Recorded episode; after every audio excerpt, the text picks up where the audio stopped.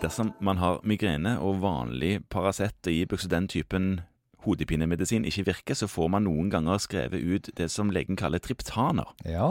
Hva er det for medisin? ja, det er noen medisiner som er det man på fint kaller for vasoaktive. De påvirker blodårene. I hvert fall tenker man seg at det er det som har effekten. Ja. Eh, Svaret er vel at man ikke helt vet. Det passer jo godt med migrene òg, for det vet man jo heller ikke helt hvorfor man har. eh, Så, men, men studier viser nå at dette virker, og de fleste pasientene dine som har prøvd dette, vil jo også si, eller mange vil jo si at dette virker godt.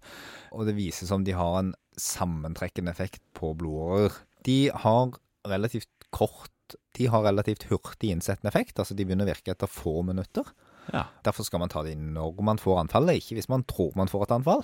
For de med migrene de merker jo at et anfall kommer ofte. Mm, men så er det ikke alltid det bryter ut, og her skal man på en måte vente til det på en måte er sikkert at det er i gang. Ja. Og så har det ganske kort halveringstid, det forsvinner også fort ut igjen. Sånn at derfor så står det også at man kan ta en ny dose etter to timer hvis første dose ikke har hatt tilstrekkelig effekt. ja. Men hva, hva heter disse triptanene? Ja, Hvis du går og kjøper det. Ja, nå får du resept på det, da. Det er reseptbelagt, alle disse her. Så du kan ikke bare gå og kjøpe det på apoteket? Nei, triptaner får du ikke kjøpe på apoteket. Nei. Men det er jo flere, altså. Det er Maxalt, Immigran, Ja, den typen ting. Velpax, Ja. ja. eh, den typen ting. Og eh, de finnes også formulert både som tabletter og nesespray og injeksjoner, så litt forskjellig. Ja. Smeltetabletter, og der er det å finne ut det som funker best. Eh, Sånn overordna så kan man si at de har de samme litt uavklarte effektene.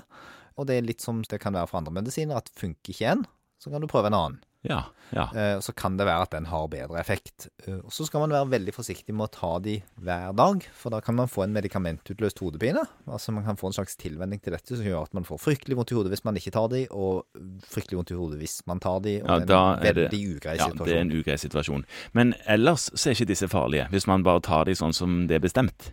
Nei, altså mm, de har jo en sammentrekkende effekt på blodårer. og Det gjør at bl.a. Ved, ved akutt hjertesykdom og høy koronarrisiko, så skal man være veldig veldig forsiktig. Så får man gjøre en avveining av det. Men i utgangspunktet er det ikke bra ved angina. Ok, så det må vi være litt grann obs på. Det er mange som sier at det er ikke bra for anginaen å ha intens vondt i hodet heller, men, men da får man i hvert fall prøve noe annet. I utgangspunktet er tidligere hjerteinfarkt og angina og kjemisk hjertesykdom en kontraindikasjon mot bruk av triptaner. Ok,